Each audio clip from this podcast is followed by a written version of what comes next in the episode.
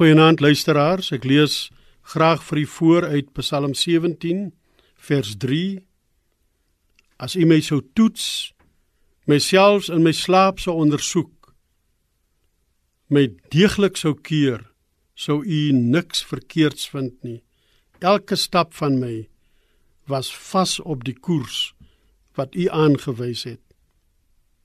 Is die psalmdigter dalk 'n bietjie oormoedig selfs spoggerig of verwaand oor hoe regop sy lewe is en hoe blaamloos hy is. Soveel so dat hy God selfs nooi om hom in sy slaap te toets en te ondersoek. Natuurlik is God inderdaad die een wat die niere toets en die harte deursoek. Maar die vraag bly tog, lei die psalmdigter nie hier aan 'n ernstige vorm van arrogansie nie. 'n Mens sou slegs tot die gevolgtrekking kon kom as jy die oog verloor dat die fokus in die Psalm al lyk dit amper nie so nie, nie op die digter is nie, maar op God.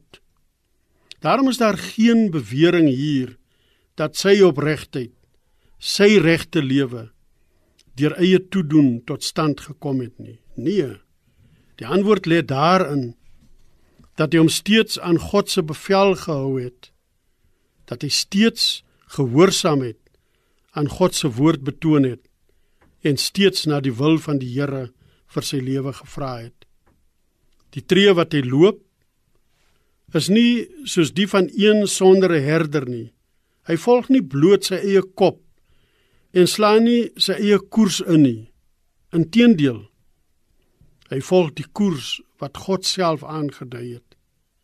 As ons die voorbeeld navolg, sal ons ondervind hoe God antwoord as ons roep en hoe ons as die appel van sy oog vertroetel en beskerm word in hierdie nag en elke ander nag trouens elke dag van ons lewe.